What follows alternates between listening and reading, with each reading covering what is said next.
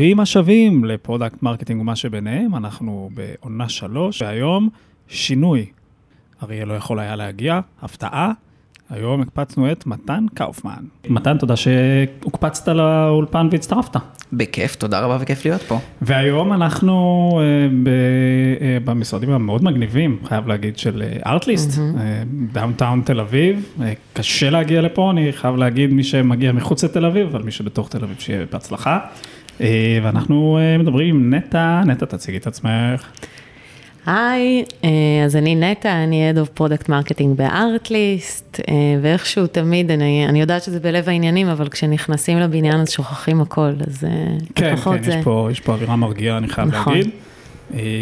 אז ספרי לנו קצת גם עלייך, גם על Artlist, שמי שלא מכיר. Mm-hmm.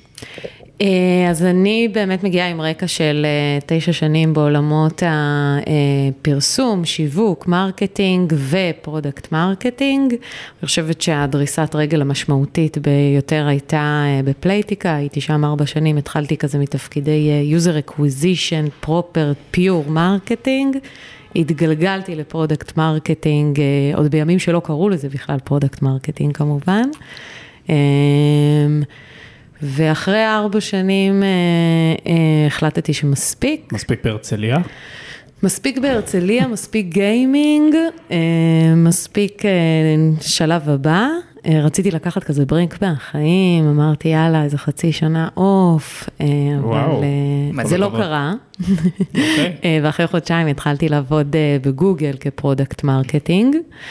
אה, שלומר את האמת זה עולם שונה לחלוטין, אה, שם גיליתי שיש product marketing של B2C ו product marketing של B2B, וזה עולמות שונים לחלוטין. אה, בגוגל הייתי משהו כמו שנה וחצי, אני מודה שזה היה פחות ה cup of tea שלי. למרות שכולנו אוהבים את גוגל, כן? כולנו אוהבים את גוגל. אוהבים את גוגל. מאוד אוהבים את גוגל. איזה מוצר היית שם?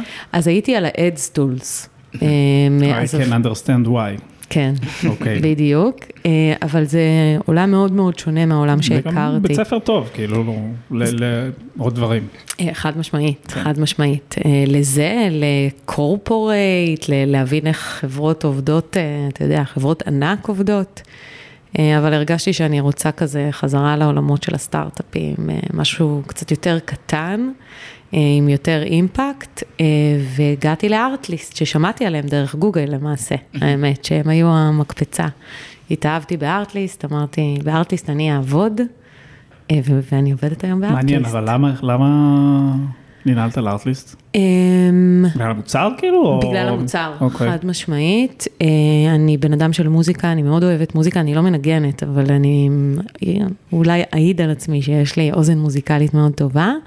אמ, והמוצר הוא מוצר, קודם כל B2C שאני מאוד מתחברת, עוד מהימים שבאתי מגיימינג, אה, והוא מוצר כיפי.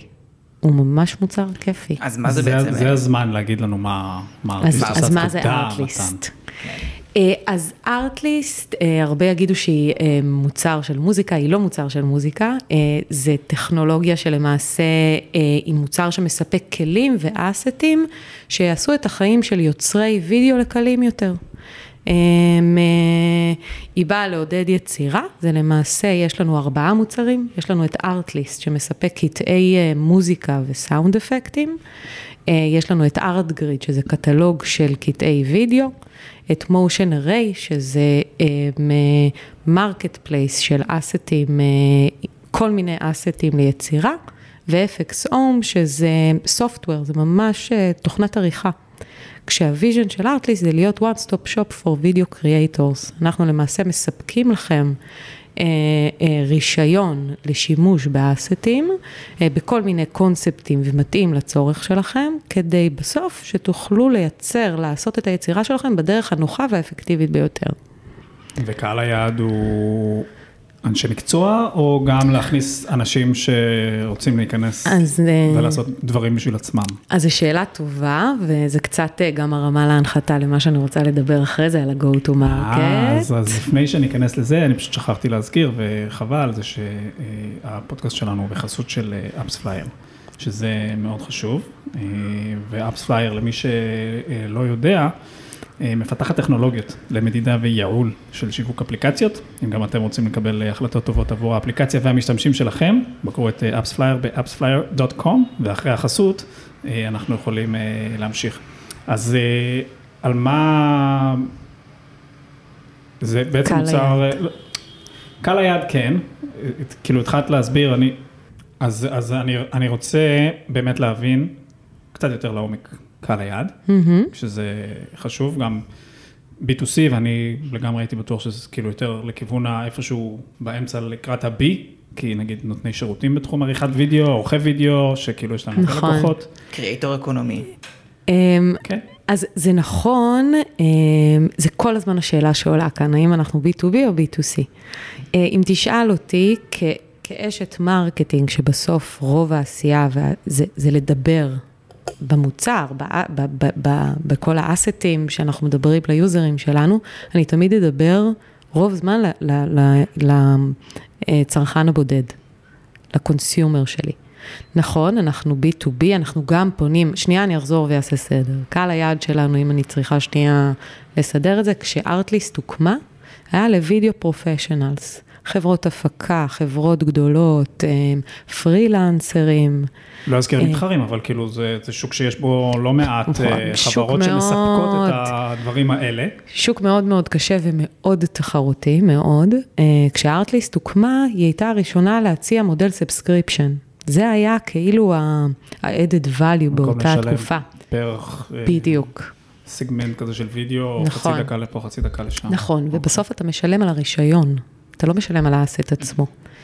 אה, וכל המתחרים למעשה באותה תקופה, היית משלם פר אסט, את הרישיון פר אסט שבחרת להשתמש בו. כשאת נכנסה, היא הציעה איזשהו פתרון שאומרת, רגע, למה אין לנו פלטפורמה אחת שאני משלם לשנה, ויש לי ספריית מוזיקה שאני פשוט יכול להשתמש באסטים, בלי לדאוג לזכויות יוצרים, יש לי אישור לזכויות יוצרים, אין לי אישור, פשוט נותנים לי ראש שקט לרוץ ולהשתמש באסטים האלה. אה, ומשם Artlist הגיע. אז בעצם סוג של marketplace, נכון? כי יש לכם אנשים שמכניסים את התוכן, או שזה תוכן שאתם מייצרים או רוכשים שהזכויות יהיו בלעדיות שלכם? אז גם וגם. אוקיי. Okay. יש לנו היום, אה, אנחנו גם אה, עובדים עם הרבה אמנים, שלמעשה אנחנו מקדמים את היצירה שלהם, הם מפרסמים את היצירות שלהם בפלטפורמות שלנו, הם מקבלים תמלוגים. על, על פי כמות ההשמעות. מהצד השני, יש לנו ממש צוותים שלמים שאו מייצרים את המוזיקה, או יוצרים קשר עם אמנים שמייצרים את המוזיקה עבורנו. וזה חלק מהפרסונות שבעצם אתם כאילו טרגטינג, מעבר לאלה שצורכים, גם אלה שמייצרים? אמ, לא כ marketing, כשאנחנו מסתכלים היום, כרגע כ marketing, הפוקוסים שלנו, הפוקוס שלנו הוא יוזרים שבאים להשתמש בפלטפורמות. לא נמדדת בכמות הדקות הוידאו שהועלו לפלטפורמה. לא, לשימוש, יש לנו כן. צוותים כן. שלמים בצוותי content, שזה כל מה שהם עושים, יושבים ודואגים לספריות מוזיקה ו sound effect ווידאו. איזה כיף. אה, האמת שזה מגניב לאללה. שזה לא תחתייך, כי זה... כן. זה גם struggle אה, נורא גדול נכון. להכניס משני הכיוונים, כדי שהכל יהיה... בדיוק. לדאוג לשני פאנלים, כן. וזה זה, זה שמח מאוד. ספרי לנו קצת על, על אה, גודל האופרציה פה, גם גודל החברה, גודל ה product marketing. אני רק אסיים ואגיד על קהל היעד, שדיברנו על זה, שזה גם video professional, אבל בסוף אנחנו גם מדברים ל... אה, ל YouTubers ול TikTokers, אז עם הזמן ועם השנים, קהל היעד שלנו באמת התרחב. כי היה שינוי מאוד גדול, שכל אחד היום הוא בעצם עורך וידאו. אז בדיוק. כאילו, בשבילו להוריד משהו קטן, להוסיף לתוך ה timeline ב Premiere, וזה, זה peanuts, כאילו. בדיוק. מגניב. קצת על, אה, על המבנה כאן וה structure, אז uh, מחלקת ה marketing היא מחלקה מאוד גדולה, uh, היא כוללת בתוכה צוותים של user acquisition, שם יושבים באמת כל ה campaign managers וכל ה-paid activity שלנו. אמ, יש את צוותי הקריאייטיב, שאצלנו ב Artlist, תחת צוות הקריאייטיב יושב גם ה production, ומי שעדיין לא ראה את הוידאוים של Artlist מוזמן להיכנס ליוטיוב ולראות, כי הם באמת... אה, הם רמה אחת מעל כולם. זה נכון. באמת. זה, זה באמת מדהים, אני חושבת שזה מה שתפס לי את העין, וככה, זה למה רציתי לעבוד ב Artlist בעיקר. אמ, אז יושבים צוותי production, שזה מה שהם עושים, הכל אנחנו עושים in-house. ובצוותים האלה יושבים צוותי קונטנט וקופי רייטרים ומעצבים, אה, שאחראים גם על דברים, קופי נגיד, בתוך המוצר, וגם לאסטים מרקטיאליים אה, ופעילות סושיאל. ומבחינת גודל החברה באופן כללי, כמה אנשים פה? אנחנו שלוש, מעל 350 היום. וואו, והם ממשיכים לגדול, לגדול. ולגייס, כשאני- אני מניח. כן, כשאני הצטרפתי, א', הייתי PMMית יחידה, הייתי הראשונה, Don't we all. כן, זה- אה, זה כן. היה לפני אה, שנה ושלושה חודשים, אני, נראה לי היינו 120 איש, אה, וואו. אה, משהו מאז- כזה, מאז שילשת את החברה. ממש, אני ש- בכוחות, בידיי. יפה. וכמה הצוות היום של ה product אז אני marketing? אמ, אה, יותר משילשתי את הצוות של ה product marketing, שזה מה שמעניין, היום אנחנו, אה, אה, היום יש שלושה אה, PMMים תחתיי ואחד מר- ועוד אחת marketing operations. מגניב. כן, אני חושבת שאחד הדברים המאוד יפים ב Artlist זה שנכנסנו כ-PMM בשלב מאוד מוקדם לחברה, אה, יחסית, אה, מבחינת הבשלות, מה שגרם לאיזושהי יציקה ואיזושהי בנייה של גם הבנה של הצוותים, כולנו יודעים שמכירים את הכאבים של product marketing. אה, ואני חושבת שעצם זה שנכנסנו בשלב מאוד אה, גמיש עדיין, נתן את האפשרות להרגיל הרבה מאוד סטייק הולדרס מכל הצדדים, גם מהצד שלנו וגם גם פנימה וגם החוצה, לעבודה המשותפת ולערך ולvalue שאנחנו מביאים. אה, והיום אנחנו באמת צוות אה, שעושה המון המון דברים, ותכף נדבר על זה קצת. טוב, אז יש לי שתי שאלות, מתן, תסלח לי יאללה, שאני ככה שוט. משתלט על לך על ה... זה אני רגיל פשוט. לפני שאנחנו צוללים ל- להשקות, אמ, יש לי שתי שאלות, אחת שכחתי, אני מקווה שאני אזכר ב... יש לי גם אחת, אבל יש לי... יאללה. אמ, לא יודע אם זה שאלה, אבל זה יותר חידוד, כי מי שמגיע מתחום הוידאו, עריכת וידאו, אה, אז מכיר את כמות המתחרים, שאטר סטוקים וכאלה, שאטר סטוק נהיה איזשהו שם גנרי כן, כזה כן. למקום שרוכשים בו אה, זכויות על מדיה. אה, אבל מה הייחוד של ארטליסט לעומת אה, פלטפורמות קיימות? אז אנחנו מדברים בעיקר על האיכות של המוזיקה שיש אצלנו, הנוחות והנגישות בסוף. כן, זה, יש שחקנים מאוד גדולים בשוק הזה. אה, אנחנו, אתה יודע, לקחת ולשים את עצמנו אל מול שאטרסטוק זה קצת לא הוגן. אה, אנחנו, בסוף אתה צריך לשים את עצמך אל מול מתחרים שאתה רואה, שאתה יודע שאתה רוצה להגיע אליהם באיזשהו מקום. Shutterstock מציע, מנעד מאוד מאוד מאוד רחב, כמויות האסטים יותר גדולים. אה, אז אני יכולה להגיד לך שאם למשל אני משווה את עצמי לנגיד אה, מתחרים אחרים, ויש לנו את Storyblocks, Epidemic Sound, שם אנחנו מדברים על זה שגם החוויה שלך כמשתמש בתוך הפלטפורמה היא חוויה נעימה, איכותית אה, אה, ונגישה, אה, וגם ה-quality של התכנים שאתה מקבל הם, ב, הם ב-level אחר. והמלצות נגיד? זאת אומרת, אם אני מחפש תכנים מסוג מסוים, אז יודע להמליץ לי על עוד? זאת אומרת, יש איזשהו. מנגנון כזה שגורם לי לצרוך ולרצות את הקטע הבא תמיד? כל הזמן אתה יכול להסתכל גם כ visitor וגם כ free trial user, אחרי שנרשמת, אתה יכול לשמוע מוזיקה, ואז יש לך ממש כפתור קטן של similar song, ואתה לוחץ עליו, אתה מקבל רשימה של סונג. אחד הפיצ'רים הכי חשובים בפלטפורמות האלה זה הסרצ' בר, כי בסוף אתה בא לחפש מוזיקה, כן, אם לא מצאת אתה תלך. התגיות וה-keywords, ואז זה משחק תפקיד נורא נכון, גדול. אז שם יש לנו, אה, אנחנו גם כל הזמן עובדים לשפר את זה, אה, אבל יש לזה תפקיד מאוד מאוד מאוד גדול בחוויית המשתמש. גם אם משווים את זה למתחרים שציינת, התקשור שלכם הוא הרבה יותר ל... הייתי אומר, ה-new medium creators. נכון. זאת אומרת, שטרסטוק בונה יותר ל... חדשותי ו... Agencies. כאילו, כן, קורפורט כזה. כן, נכון. וגם כל התקשור, כל ה-tone of voice, ממש אה, בא לידי ביטוי ב creator כן. economy. זה משהו קצת יותר צעיר, רענן, אה, אחר קצת, edgy. אה, נורא, נורא בא לי לשאול האם, אה, ואני מקווה שזה לא יעכב את הפרק, כי אני צולל פה לדברים שלא תכננו לדבר עליהם, אבל אה, האם אתם שומעים או מקבלים איזשהו, איזושהי דרישה מהמשתמשים לסוגי תכנים בצורה כלשהי, ואז יודעים נגיד ללכת ולפתח את זה, או שזה כבר לא תחת product marketing ואני סוטה לגמרי אה, מהנושא? זה לא תחת product marketing, אה, זה נעשה תחת צוותי ה content. צוותי ה content כל הזמן בקשר, גם עם האמנים, גם עם influencers שמשתמשים במוצרים שלנו, אנחנו כל הזמן בקשרים עם ה... להבין את הצורך. כדי להביא את המוזיקה, את האסטים הנכונים. טוב, אז אחרי ההקדמה הזאת, מתן, יש לך שאלה? אמרת שכאילו כשאת הצטרפת ל Artlist, הייתה נקודה כזו של כל העסק היה מספיק גמיש, כדי שאת תוכלי לתת אימפקט. ספרי לנו רגע על הנקודה הזאת. אמ, אני חושבת שמה שקרה זה שהייתה איזושהי קפיצת מדרגה לארטליסט, אמ, בערך בנקודת זמן שאנחנו הגענו, שהם הבינו שהם מספיק גדולים ואנחנו מספיק שם כדי שנייה to step up. אמ, זה הגיע ממקום שבסוף היה ואקום, היה ואקום מאוד, היה רצון מאוד מאוד גדול שדברים יקרו, אבל לא היה את האנשים שיגרמו לדברים האלה לקרות. אה, וכשאני נכנסתי, אז זה באמת אה, היה ליצ...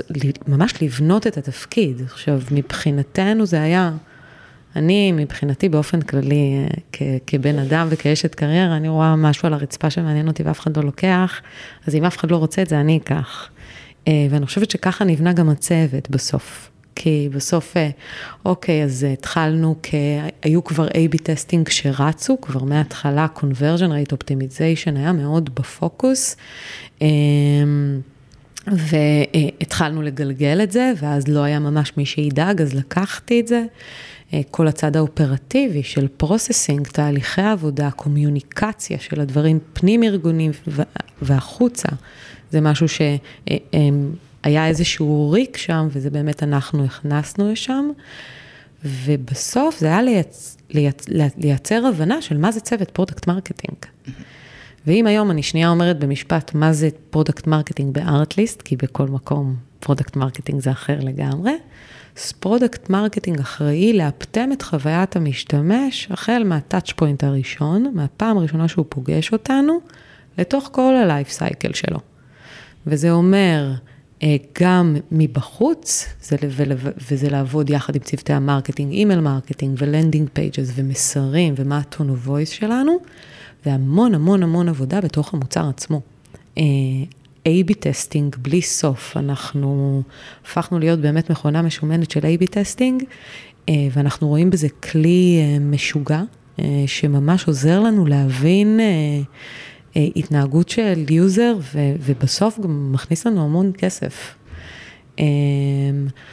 וזה אומר לעבוד הרבה עם product ועם כל שאר, עם צוותי הדאטה, כדי כל הזמן לנתח, כשיש לנגד עינינו שתי מטריקות מאוד חשובות, conversion rate ל subscription, וזה עולם ה-conversion rate optimization, ו-retention, שזה ל-paid users, מה קורה בתוך החוויה של paid user, ואיך אני בסוף גורמת לו לחזור ולחדש את המנוי. איך לתת לו ערך כל הזמן. בדיוק. מהמם. אז בואי נצלול קצת לתוך הנושא שלשמו mm-hmm. התכנסנו היום, השקות של מוצרים, שבזה עוסקת העונה שלנו. על מה אנחנו הולכים לדבר? בעצם עשי לנו איזה אינטרו ככה. אז אנחנו, אז לאורך הקריירה השקתי כמה, כמה וכמה, אבל בחרתי בפרסונל פלן בארטליסט, שזה לא מוצר, אבל זה פיצ'ר, זה תוכנית שהיא קצת כמו מוצר חדש, תוכנית חדשה במנ... בתוכנית, בתוכנית המנויים שלנו. שזה תוכנית שהושקה בנובמבר, עבדנו עליה מאוד מאוד מאוד קשה, ויש סביבה, קיצור מעניין. אז יאללה, בואי תסבירי לנו קודם מה, מהי התוכנית הזו, למי היא מיועדת, מה עשיתם כדי להבין את הצורך. למה, למה עשינו את זה? בדיוק. אז בגדול, אם אני מתחברת שנייה למה שהתחלתי וסיפרתי על קהל היעד, אז כשארטליסט הוקמה ב-2016, אמרנו, אנחנו רוצים לפנות לוידאו פרופשיונל. הפאונדרים שלנו, אגב, הפאונדרים אגב, הם וידאו, הם באים מהעולם הזה. ועם הזמן התעשייה הזו התפתחה. פתאום יש YouTubers ו TikTokers, והיום תשאל ילד בן 18 מה הוא רוצה להיות שהוא יהיה גדול. הוא יגיד לך שהוא רוצה להיות יוטיובר, ולא לא רופא או עורך דין. אז השוק השתנה, קהל היעד שלנו פתאום התרחב, ומעבר לזה גם המתחרים שלנו התאימו את עצמם, והיינו צריכים להתאים את עצמנו לתעשייה בסוף. ואני חושבת שזה משם הגיע, זה קודם כל לדבר קצת על, אוקיי, מה הצורך? אנחנו מדברים על אה, קהל קצת אחר, זה קהל של, אה, קודם כל זה ג'ן זי, הם יותר צעירים, הם מדברים אה, בשפה אחרת, יש להם צרכים אחרים, הם עושים את זה לאו דווקא כדי להכניס כסף, הם רוצים, עושים את זה כאיזה הובי, והם הרבה פעמים ביגינרס. אבל הם גם מאוד טכנולוגיים. מאוד טכנולוגיים. סופר הם, אינטואיטיביים. הם חיים טכנולוגיה, הם מתקשרים אה, בדיגיטל. אינפלואנסרס זה משהו שמניע אותם, כאילו זה, זה, זה, זה, הם יקבלו את ההחלטות שלהם על סמך אה, משפיענים שמאוד, שהם מאוד מאוד מעריצים ומעודדים. ואנחנו מדברים על קהל שיכול להיות ממש מתחיל, ילד בן 16 שהתחיל עכשיו ורוצה לי, ללמוד ולהיות, והוא ישים את כל המשאבים שלו על זה. אנחנו יכולים לדבר על ילד בן 23 שהוא אינפלואנסר, שהוא ביוטיוב עם מאות אלפי צפיות אה, ופולוורס. אמ, ואז זה לבוא ולהגיד, אמ, קודם כל אנחנו כארטליסט, הייתה לה חבילה אחת, שהיא נקראת חבילת Unlimited, שהיא מספקת, היא, היא בגדול היא שנתית, היא אך ורק שנתית, והיא מספקת רישיון לכל האסטים, לכל מדיה שתרצה להשתמש בה, אם זה ערוצי הסושיאל שלך, אם זה בטלוויזיה, אם זה ברודקאסט, אם זה קולנוע, כל דבר אתה יכול להשתמש. אמ, אז הדבר הראשון שעשינו זה שנייה קודם כל להבין מה הצורך, אז הצורך קודם כל זה רישיון לשימוש של האסטים בערוצי אה, סושיאל בלבד, הם לא צריכים מעבר לזה.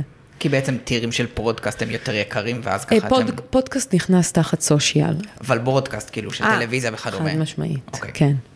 הם, הם, הם, גם, הם גם לא צריכים את זה, גם אם אני אתן להם את זה, אז בסוף זה לא משהו שהם יעשו בשימוש. אמ, והדבר השני זה חבילה שהיא לא שנתית, אלא חודשית, משהו שהוא פחות מחייב. כשאתה חברת הפקה, אז אתה אומר, יאללה, אני אשלם מנוי שנתי. מסתכל על המע"מ. וכן, כאילו, וגם ככה אני אשתמש בזה, יש לי מלא הפקות לאורך השנה. כן, אבל אני יוטיוב. אה, מתחיל.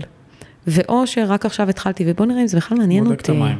כן, נראה אם זה מגניב. אם זה מביא צופים. כן, ואז אם זה באמת מגניב לו, הוא יבוא ויגיד, אוקיי, יש לי עכשיו שלושה חודשים שאין לי כל כך מה לעשות, אז בואו נרוץ, אבל אני לא יודע מה יהיה עוד שלושה חודשים, אז כאילו, אני לא רוצה להתחייב לשנה. אז זה היה הדבר השני, של להציע את האופציה הזו גם כתוכנית חודשית, אה, ומזה נגזר גם המחיר. כי בסוף אתה מציע, אתה יכול להציע מחיר שהוא הרבה יותר אטרקטיבי. אנחנו מדברים על, על באמת קהל יעד שהוא יותר צעיר, עם הכנסה פנויה יותר קטנה, ולכן אנחנו, הם יחפשו משהו שהוא יותר אטרקטיבי. צריך לזכור שגם התאמנו את עצמנו לשוק ולמתחרים שנמצאים מסביב. אה, אז זה הייתה, זה היה עיקר, זה היה סיבה מספיק טובה נראה לי, להבין שאנחנו צריכים לעשות את השינוי הזה ולהכניס את התוכנית אלינו. יש לי שאלה בנושא הזה של, אתם בעצם הלכתם והסתכלתם על השוק, זה לא שהשוק בא ושאל האם יש לכם מוצר כזה, או האם תסכימו לי לעשות דבר כזה, נגיד, לא היו פניות של אה, יוזרים או דברים כאלה שגרמו לכם, אז היו פניות של יוזרים, בעיקר על האם התוכנית הזו, האם אפשר מנוי חודשי ולא שנתי. אמ, אבל בגלל שהחבילה שלנו הייתה גדולה שמספקת כבר את הרישיון לערוצי הסושיאל, אז זה לא שבאו יוזרים ושאלו, היי, אני, יש לכם רק לסושיאל? לא הרבה. אבל אנחנו קוראים את השוק כל הזמן, אנחנו בקשר עם, יש לנו אפילייט ואינפלואנסר שאנחנו בקשר מתמיד איתם, יש לנו אמנים שאנחנו בקשר מתמיד, אנחנו כל הזמן עם סקרים, דרך אגב, כחלק מהדבר הזה עשינו מחקרי שוק שכלל אה, users interview, אה, והרבה סקרים והבנה של לדבר עם היוזרים, כאילו, אה, ומשם הבנו שיש שם צורך אמיתי בתוך הדבר הזה. מגניב. מה השלב הבא? אז השלב הבא זה להגדיר מה המטרות שלנו להצלחה. אה, מה, מה אנחנו, אוקיי, אנחנו עובדים על תוכנית, מה אנחנו בכלל מנסים להשיג כאן. אה, וזה כמובן להת, להתחבר לביזנס אה, KPIs שלנו, אה, והמטר, ולחדד את המטריקות שיכוונו אותנו להצלחה, זה בדרך כלל כמובן יהיה כמות subscriptions שאנחנו רוצים להעלות, שהיא בעצם מעידה על קהל יעד רחב יותר. להעלות את ה retention, כי בסוף אנחנו רוצים יוזרים שיהיו יותר engaged איתנו. שאז לפי איך אתם מודדים אותם? לפי monthly active users, או לפי כמות תוכן שמישהו צורך בחודש? ש... את ה retention, כן. ממש פשוט של... האם הוא המשיך לשלם האם, או לא? האם הוא חידש את המנוי שלו, אוקיי. כן, כזה. אמ, ובסוף אתה יודע, בר- כל זה אמ, משוקף ב-revenue אה, שנכנס, כן. מן הסתם, בשביל- לשם כך התכנסנו, לא? כן. אה, וכמובן שעוד מטריקות שנגזרו זה conversion rate אה, אה, ובנצ'מרקים כאלה ואחרים. זה היה השלב אחרי זה, ואז זה באמת אה, אה, שלב בניית המסרים. עוברים לשלב בניית המסרים. אוקיי, רגע, יש לנו תוכנית חדשה, איך נקרא לה? מה המסר שאנחנו רוצים להעביר ליוזרים האלה? איך אנחנו רוצים לדבר עליהם? מה יהיה ה-tone of voice? ושם זה באמת גם כל העולם של ה production המאוד מגניב, צעיר, אה, חד, אה, נכנס מאוד לתמונה, זה לדבר בגובה העיניים, תמיד דיברנו בגובה העיניים, אבל פתאום זה הפך להיות שיח יותר, הרבה יותר פשוט, אה, והרבה יותר אה, straight forward, one plan for your, for, for your needs. אה, ומשהו שהוא יהפוך את הכל להרבה יותר ברור. אה, את המסרים האלה אתה בונה על פי user stat, user type, כי בסוף אה, היה לנו קהל מאוד גדול של רי- יוזרים שהם, אנחנו קוראים להם remarketing. זה היוזרים שנכנסו לפלטפורמה, חוו אותה, אבל לא רכשו. אנחנו רוצים להאמין שרבים מהם נכנסו, כי כנראה לא היינו מספיק אטרקטיביים, המחיר לא היה מספיק אטרקטיבי, הם רצו מנוי חודשי ולא שנתי. רגע, יש לנו כאן pool שלם של יוזרים מאוד מאוד מאוד מאוד גדול, שיש לנו מידע עליהם, כי הם נרשמו ל free trial, ואנחנו יכולים שנייה לדבר אליהם.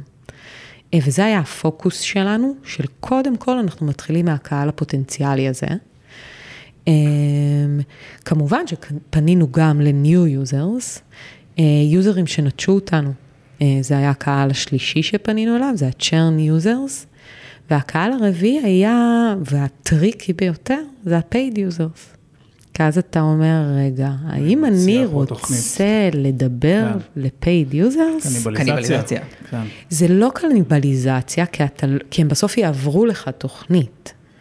הם לא ישחקו על אותה תוכנית, אני מדברת על ה-paid users ב-Artlist. כל זה, דרך אגב, כל ארבעת המוצרים, לא, לא ציינתי את זה בהתחלה, אבל אנחנו מדברים על השקת תוכנית ב-Artlist. אמ, אז אני מדברת על paid users שמשלמים היום ל-unlimited plan מנוי שנתי, מה הסדר גודל של המחיר סתם?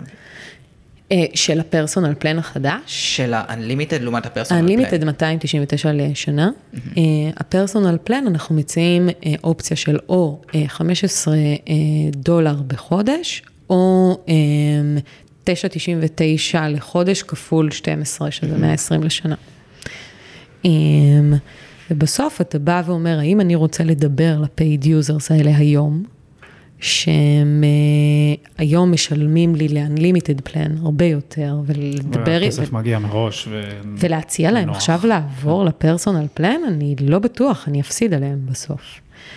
אה, וכאן זה היה מאוד טריקי, כי דאגנו לראות איזה יוזרים יש לנו שהם, נגיד, כבר עכשיו, הרי בסוף במנוי שנתי יש לך את האופציה לבטל את המנוי כמה חודשים מראש, וכשיגיע זמן סיום המנוי, פשוט לא יחדשו לך אותו. אז קודם כל לפנות ליוזרים האלה, הם כבר ביטלו לי את המנוי. אז בואו נדבר עליהם כבר עכשיו ונציע. וליוזרים שהם היום ממש משתמשים במוצר, זה לא הדבר הראשון שאני אקפוץ להציע להם.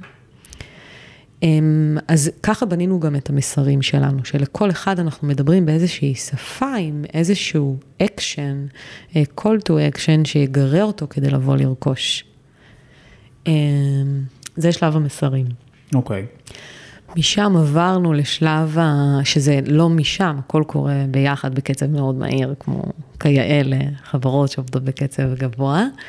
אמ, כל עולם ה-user journey, בתוך המוצר ומבחוץ לו, כשהפוקוס המאוד גדול הוא בתוך המוצר. אנחנו עובדים, אה, צוות PMM עובד בצמוד עם צוות ה product, ברמה שעוברים יחד על הפאנלים וההחלטות מתקבלות ביחד, כדי לוודא שה journey נעשה בצורה הכי חלוק, חלקה וטובה שיש.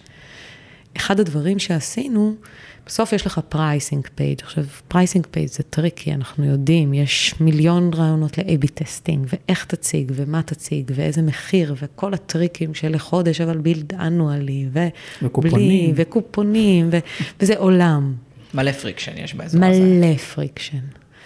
אמ, ואנחנו מאוד חששנו מה friction הזה. ה friction הכי גדול שחששנו ממנו הוא לא לפני התשלום, הוא אחרי. כי בסוף באנו ואמרנו, יש לנו תוכנית חדשה שהיא הרבה יותר זולה.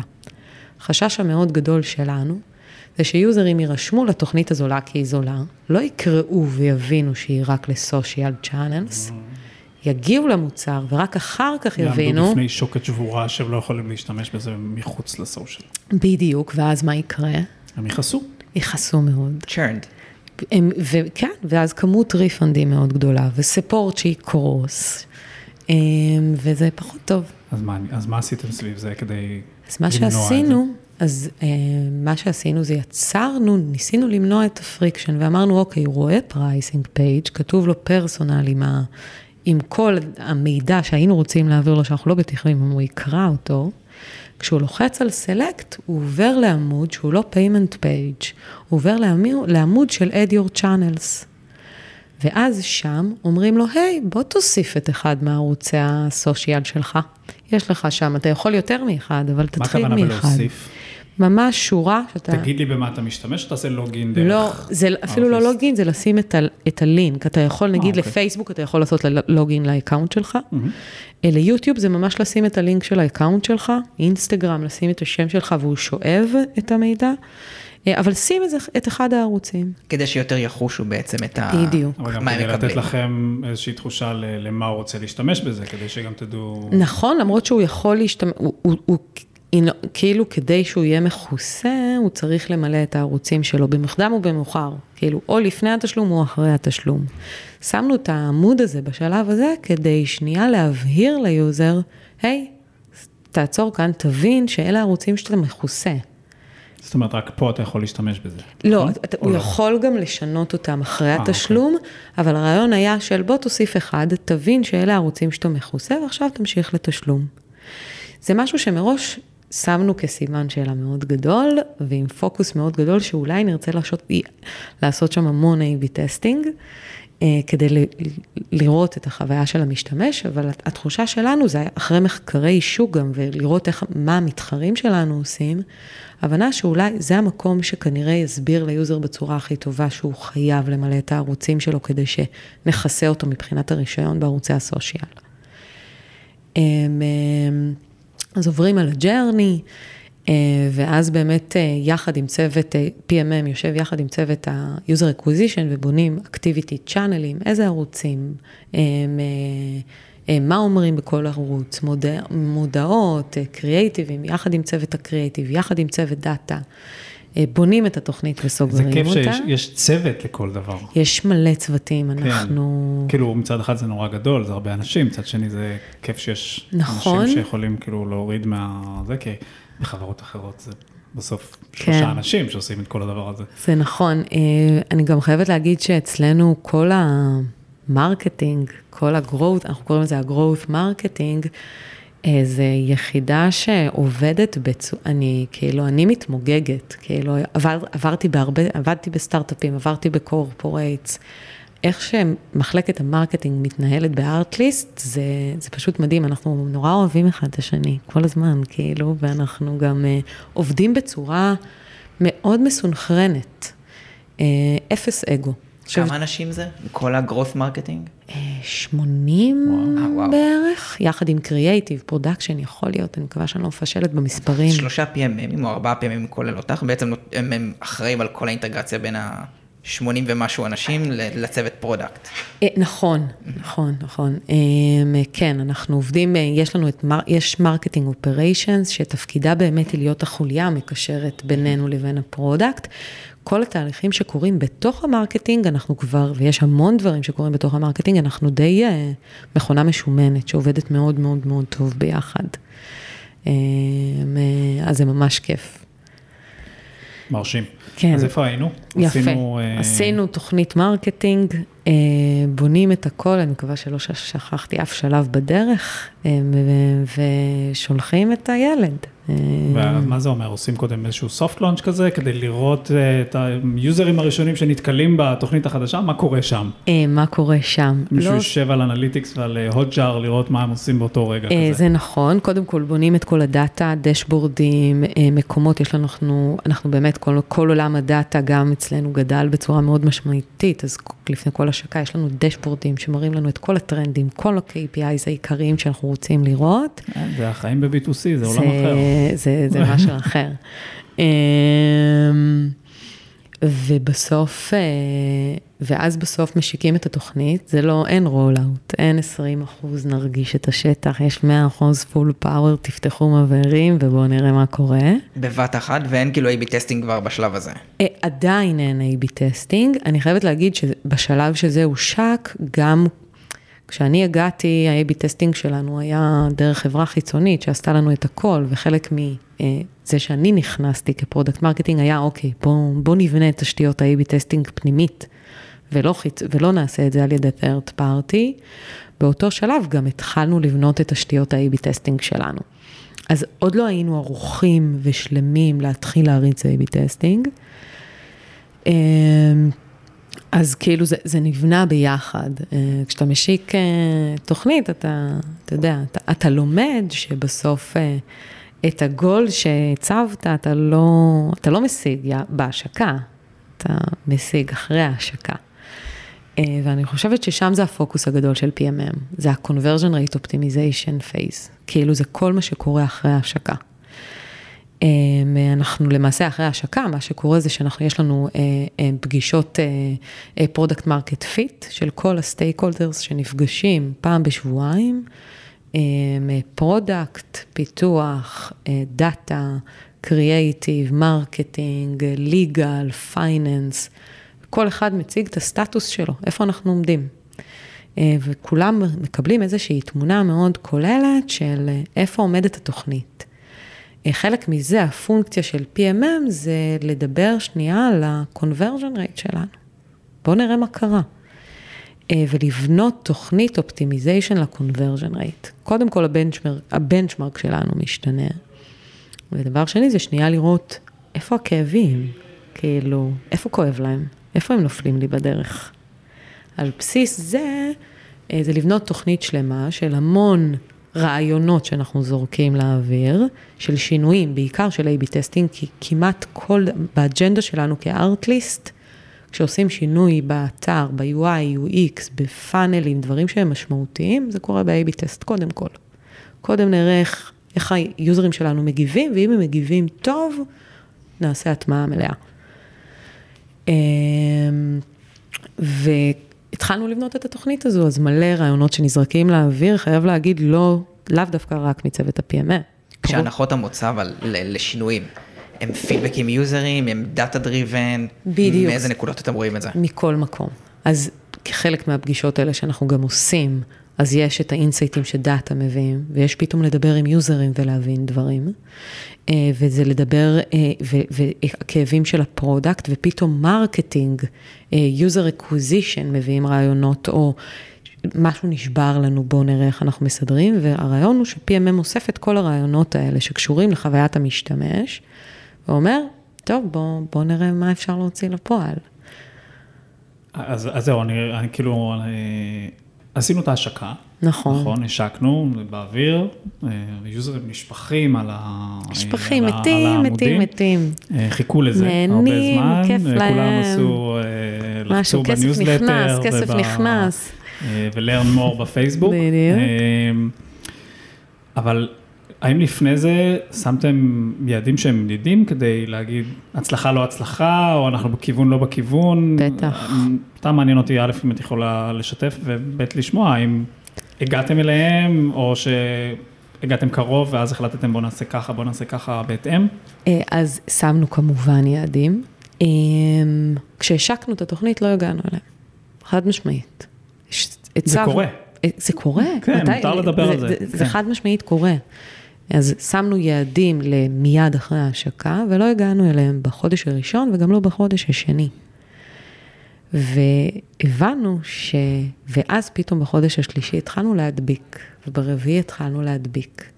ואז אתה אומר, אוקיי, אנחנו תופסים כיוון, זה לוקח זמן. לא נלחצתם בחודש הראשון, אבל בואו נשנה הכל וטעינו עם המוצר. חד משמעית אוקיי. לא, יש כאן אנשים מאוד אמיצים, אמיצים שהרימו גם הרבה מוצרים, אה, ב- ב- ב- באמת כמעט עם מעט מאוד אנשים. אה, אז לא נבהלנו, כן היינו ב... היה task force, כאילו, כן היינו ב mode של, אוקיי, חייבים לראות מה עם קורה. היד על הדופק. כל הזמן, שזה. בזכות בעצם, ה- זה הדביק את הקצב, אה, כדי- זה, זה הדביק את הקצב, אה, כי לוקח ל- לקהל. זה- כזה, בדיוק, זה product adoption, זה, זה adoption ו-education שהיה. חד משמעית. ואתה לא יכול להפעיל את המבערים ולהוציא פיצ'ר ולצפות שבאותו רגע אתה תשיג את היעדים שלך. אה, זה מה שלמדנו דרך אגב. ואז אתה גם לומד שאוקיי, אנחנו מתחילים להדביק, אבל איפה, איפה אנחנו יכולים לעזור להדבקה? מה לא טוב? כאילו, כי לא יכול להיות שאתה מוציא, כמו- משיק מוצר או פיצ'ר שהוא מושלם. כאילו, תמיד אפשר לשפר אותו. במיוחד שזה מוצר חדש לקהל חדש, שאתה צריך גם להרגיש אותו. אלא אם כן אתה אפל. אלא אם כן אתה אפל, ואנחנו מסתכלים הרבה על אפל, אנחנו מאוד אוהבים את אפל. אז אנחנו עדיין לא אפל, אמ, ואנחנו מאוד לומדים, לומדים מהיוזרים, לומדים מהחוויית משתמש, אה, וזה מה שאני גם אוהבת, אני חושבת, כ- כ-PMMית, זה כל הזמן שנייה לשים את עצמי בנעליים של היוזר. אם הייתי יוזר, מה הייתי חושבת? מה הייתי חווה? היתרון הכי גדול של B2C, ואתם קצת B2C בהיבט הזה, נכון. זה היכולת לשים את עצמך בנעליים של יוזר, כי בסוף חלקנו פה עורכים וידאו ברמה כזו או אחרת בדיוק. בחיינו בטיק טוק. אה, אולי, אולי אני גבע פח- אני פחות. פחות, אני כבר- סבבה, אבל אני לא אני- Gen יש. לי תחושה שנתקן. וזה זה נקודה מאוד מאוד כיפית שעובדים בתור product marketing מהניסיון שלי, ואני אני רואה את החיוך על ה... נכון. שיש לך על הפנים ואת הניצוץ, וזה בול זה. זה היכולת שלך באמת להיות שם. כן, זה, אה, זה ממש כיף. אני, אני, אני גם כאילו כל הזמן, אה, כשאנחנו יושבים בפגישות וכאלה, אני יוצרת ואומרת, "אוקיי, אבל תחשבו מה הוא היה חושב, ותמיד יש את הקונפליקט הזה של דאטה לעומת פסיכולוגיה כן, של זה היוזר. השאלה הבאה שלי.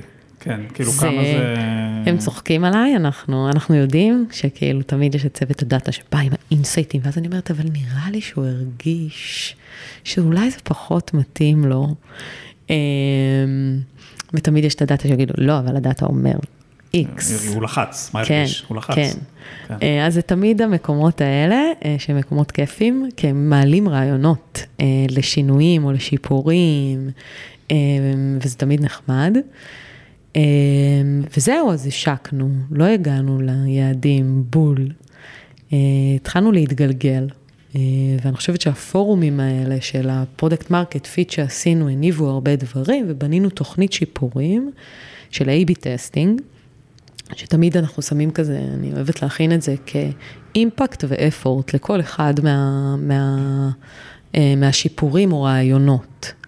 בסוף אני... ששיפורים זה ברמת המסרים והקמפיינים נגיד, או ברמת הטוויקים בתוך המוצר, או בתוך טוויקים אה. בתוך המוצר חד משמעית, זה אוקיי. הפוקוס קודם כל, כי אנחנו יודעים שמבחינת אימפקט, שם יהיה האימפקט הכי גדול קודם כל. כמובן שאחרי זה גם עשינו שיפורים מעבר, אני חייבת להגיד, המוצ... הפיצ'ר הושק, ב... התוכנית החדשה הושקה בנובמבר או דצמבר, אנחנו עדיין בשלב הזה. אנחנו עדיין עובדים, אנחנו כבר במקום מאוד מאוד טוב אל מול היעדים שלנו, אבל יש עדיין שיפורים לעשות, ויש לנו עוד תוכנית ארוכה, זו תוכנית שרצה, אתה לא מסיים את העבודה. אה, וזה באמת שנייה להגיד מה ה impact ומה ה effort של כל אחד מהרעיונות האלה, שכמובן בחלום הכי טוב שלנו, אנחנו רוצים שזה יהיה ה impact הכי גבוה עם ה effort הכי נמוך, זה בדרך כלל לא קורה. אז, אה, אבל אנחנו מבינים איפה ה impact הגבוה ביותר ואיפה אנחנו יכולים להשקיע את ה effort. אה, ואם אני חוזרת, ואתם זוכרים את העמוד של להוסיף את הערוצים אחרי ה pricing, כדי שהוא יבין, אז אה, נחשו מה קרה. זה היה הכאב הכי גדול של ה user, אוקיי, ושם נכון, זה היה גם אני ה friction. התקשיתי שם אגב. מה זה? אני גם התקשיתי שם תוך כדי נכון. השיחה הזאת. כן, לא, זה נשמע היה קשה שנקוד- להבין למה אני צריך כאילו, כ user, למה אני צריך לעשות את זה עוד לפני. נכון. אבל, אוקיי. נקודת drop כזאת, שנשמעת כמו חיכוך קלאסי ל- להוריד אותו. יפה. אה, אז עלו הרבה רעיונות להוריד אותו, ואני אמרתי, לא, לא, לא, עוד לא להוריד. רגע, יש step לפני זה, ובוא נראה מה קורה אם שמים להם אופציה to skip לפני הורדה, הם יבינו, ככה הם גם יגיעו לעמוד, הם יבינו שזה ל social, יוכלו לעשות skip and add later, לעבור לתשלום אה, ולהתקדם. אה, ולהיות ה subscribers שלנו. אז זה טסט שהעלינו, אני חייבת להביא, להגיד שזו הייתה הצלחה מטורפת. אה, הוא העלה לנו אה, בחישוב של lifetime value של revenue במאות אה, מאות אלפי דולרים בשנה, אה, רק על להוסיף את ה skip. אה, זה העלה את ה-conversion rate, uh, אני לא זוכרת בכמה, אבל באלף, נראה לי, יש לי את זה כאן, אבל משהו כמו 12 אחוז מעמוד, ה, ה, מעמוד ה pricing לתשלום, שזה המון. כן, זה לא נתונים שהם... אה, כן, אני חייבת, זה נראה לי, כן, זה היה visit ל subscription. אתה תוריד את זה בעריכה, כדי שלא ישמעו שאני מתלבטת. אוקיי. סתם. אה, אבל אה, היה לנו עלייה, לא, זה סך הכל, עלייה, סליחה, יש לי את הנתונים. אז בגדול העלינו את ה-conversion rate מעמוד הערוצים, מהעמוד של ה pricing להרשמות ב-4 אחוזים. אה, שזה באמת אה, יחסית המון. מה שהיה מעניין לראות, זה שבסוף יש לך את ה control, את הקבוצת control שרואה עדיין ולא יכולה לעשות skip, לעומת הקבוצה שנותנים לה את אפשרות הבחירה לעשות skip או לא. ראינו שגם אלה שלא עשו skip, היו עם conversion rate יותר גבוה לתשלום, מאלה שהכרחנו אותם למלא. זאת אומרת, זה confidence, זה נתן בעצם בדיוק. סוג של confidence בשלב הזה? נכון, זה כאילו, וזה כאן נכנסת הפסיכולוגיה שלי, של ה user, שאני מנתחת, ואני אומרת, עצם זה שבכלל נתנו לו את האפשרות לעשות skip, גרם לו להרגיש יותר בנוח להוסיף את הערוץ שלו. אל תגרמו לי לעבוד קשה מדי לפני שאני מתחיל כן, לעבוד. כן, כאילו, עצם זה שאתה מחייב אותי, זה כאילו מעצבן אותי, אבל אני באמצע משהו, נו, אני רוצה לשלם. אבל אני נותנת לך פתאום את האפשרות של skip, ואתה אומר, אה, אה, אוקיי, בואו נוסיף את הערוץ, או לא נוסיף את הערוץ, או אני, אני יכול לבחור. ועצם הבחירה נותנת לו אה, שלב חלק יותר. אה, ובאמת זו הייתה הצלחה, ועשינו אה, full implementation ל production של ה skip. אה, ונחשו מה הטסט הבא. יש לנו שתי דקות, אז להוריד לגמרי את העמוד. אוקיי, אז... וואו, איזה יפה. כן. ואז זה באמת השפיע עוד יותר משמעותית, או שזה כאילו... בואו נראה. תרם להצלחה. אה, זה... זה, זה הטסט הבא, הוא עוד לא קרה. אה, ממש, הם עוד לא יודעים את זה, היוזרים. הם עוד לא יודעים את זה. אוי, shit, סיפרתי להם. אבל זה מדהים שהיא בסוף נוגעת בנקודות של experience. זאת אומרת, בסוף product marketing יכול לקחת את כל ה experience עצמו, של מה ה user חווה, ולא רק להסתכל על הדאטה, אלא ממש נכון. בנעליים שלו. voice of the customer. בול. חד משמעית. יפה. כיף, כיף בארטליסט. ברור, סיפור אה, משגע, מה שנקרא. אה, יש דברים נורא חשובים שרצית להגיד ולא הספקנו כי פשוט... האמת שזה היה בול, כי סיימתי. כן, יצא לך... אה, כאילו, כן, כן איזה טיימינג. כל הכבוד. זהו, כן. מתן, אולי זה בזכותך גם. בכיף. בטוח. אה, אז אה, נטע, תודה שחלקת איתנו אה, גם את החוויות הטובות יותר והטובות פחות. מתן, תודה שהצטרפת אלינו בהתראה קצרה. היה כיף גדול. באהבה. תבואו שוב. נבוא, נבוא. ורק בריאות לאריאל. רק בריאות. כן, כן. ביי אריאל.